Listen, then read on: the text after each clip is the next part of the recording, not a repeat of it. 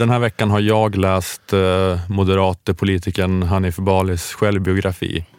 Hur många sidor? Mina nio liv. Eh, vänta, jag, har, jag har den framför mig.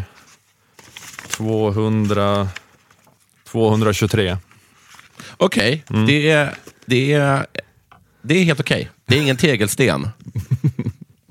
Eller hur? Nej, Nej. nej, nej jag har tänkt att det är, det är coolt med tjocka böcker. Den, är, ja, den, Ja. den här är inte jättetjock. Den inte. Nej. För jag var imponerad över att du hade läst en hel bok på en vecka. Men, eh, men 200 sidor skulle man ju kunna klara av.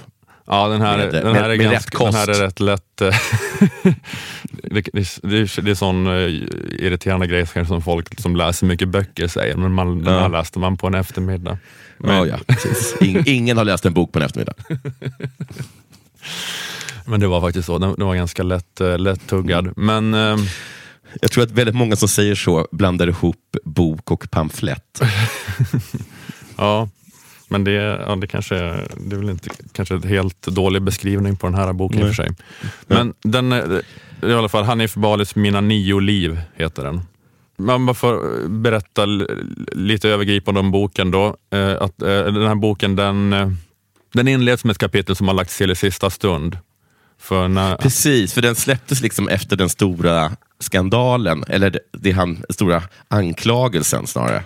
ja, Hanif Bali, hans medförfattare Jens Skalman, hade, trodde de, skrivit färdigt boken i höstas. Men då kom då Mm. nyheten ut att Hanif Bali anklagades för att ha gjort uh, otillbörliga närmanden mot en uh, 16-årig tjej som var medlem i Moderaternas ungdomsförbund.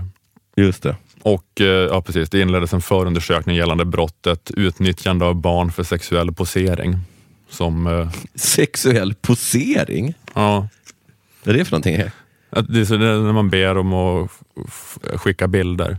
Skicka, skick, skicka bilder av sexuell natur. Som jag fattat ordval tycker jag.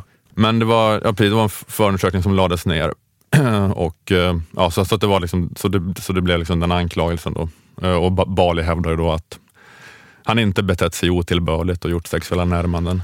Utan att han bara haft en, en lite märklig eh, läsa läxor-relation med tonårstjejen.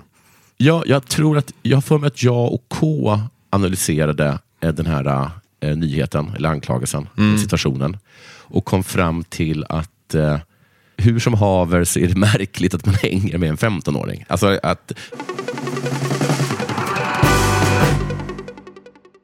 Okej, det här var ett litet utdrag. Köp en prenumeration för 29 kronor i månaden på underproduktion.se stormens utveckling om du vill höra detta avsnitt.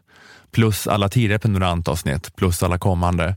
På underproduktion finns också instruktioner om hur du lägger in prenumerationsfeeden av Stormens utveckling i din poddapp, vilket är att föredra för smidigt lyssnande, även om det såklart går att lyssna direkt på webben också.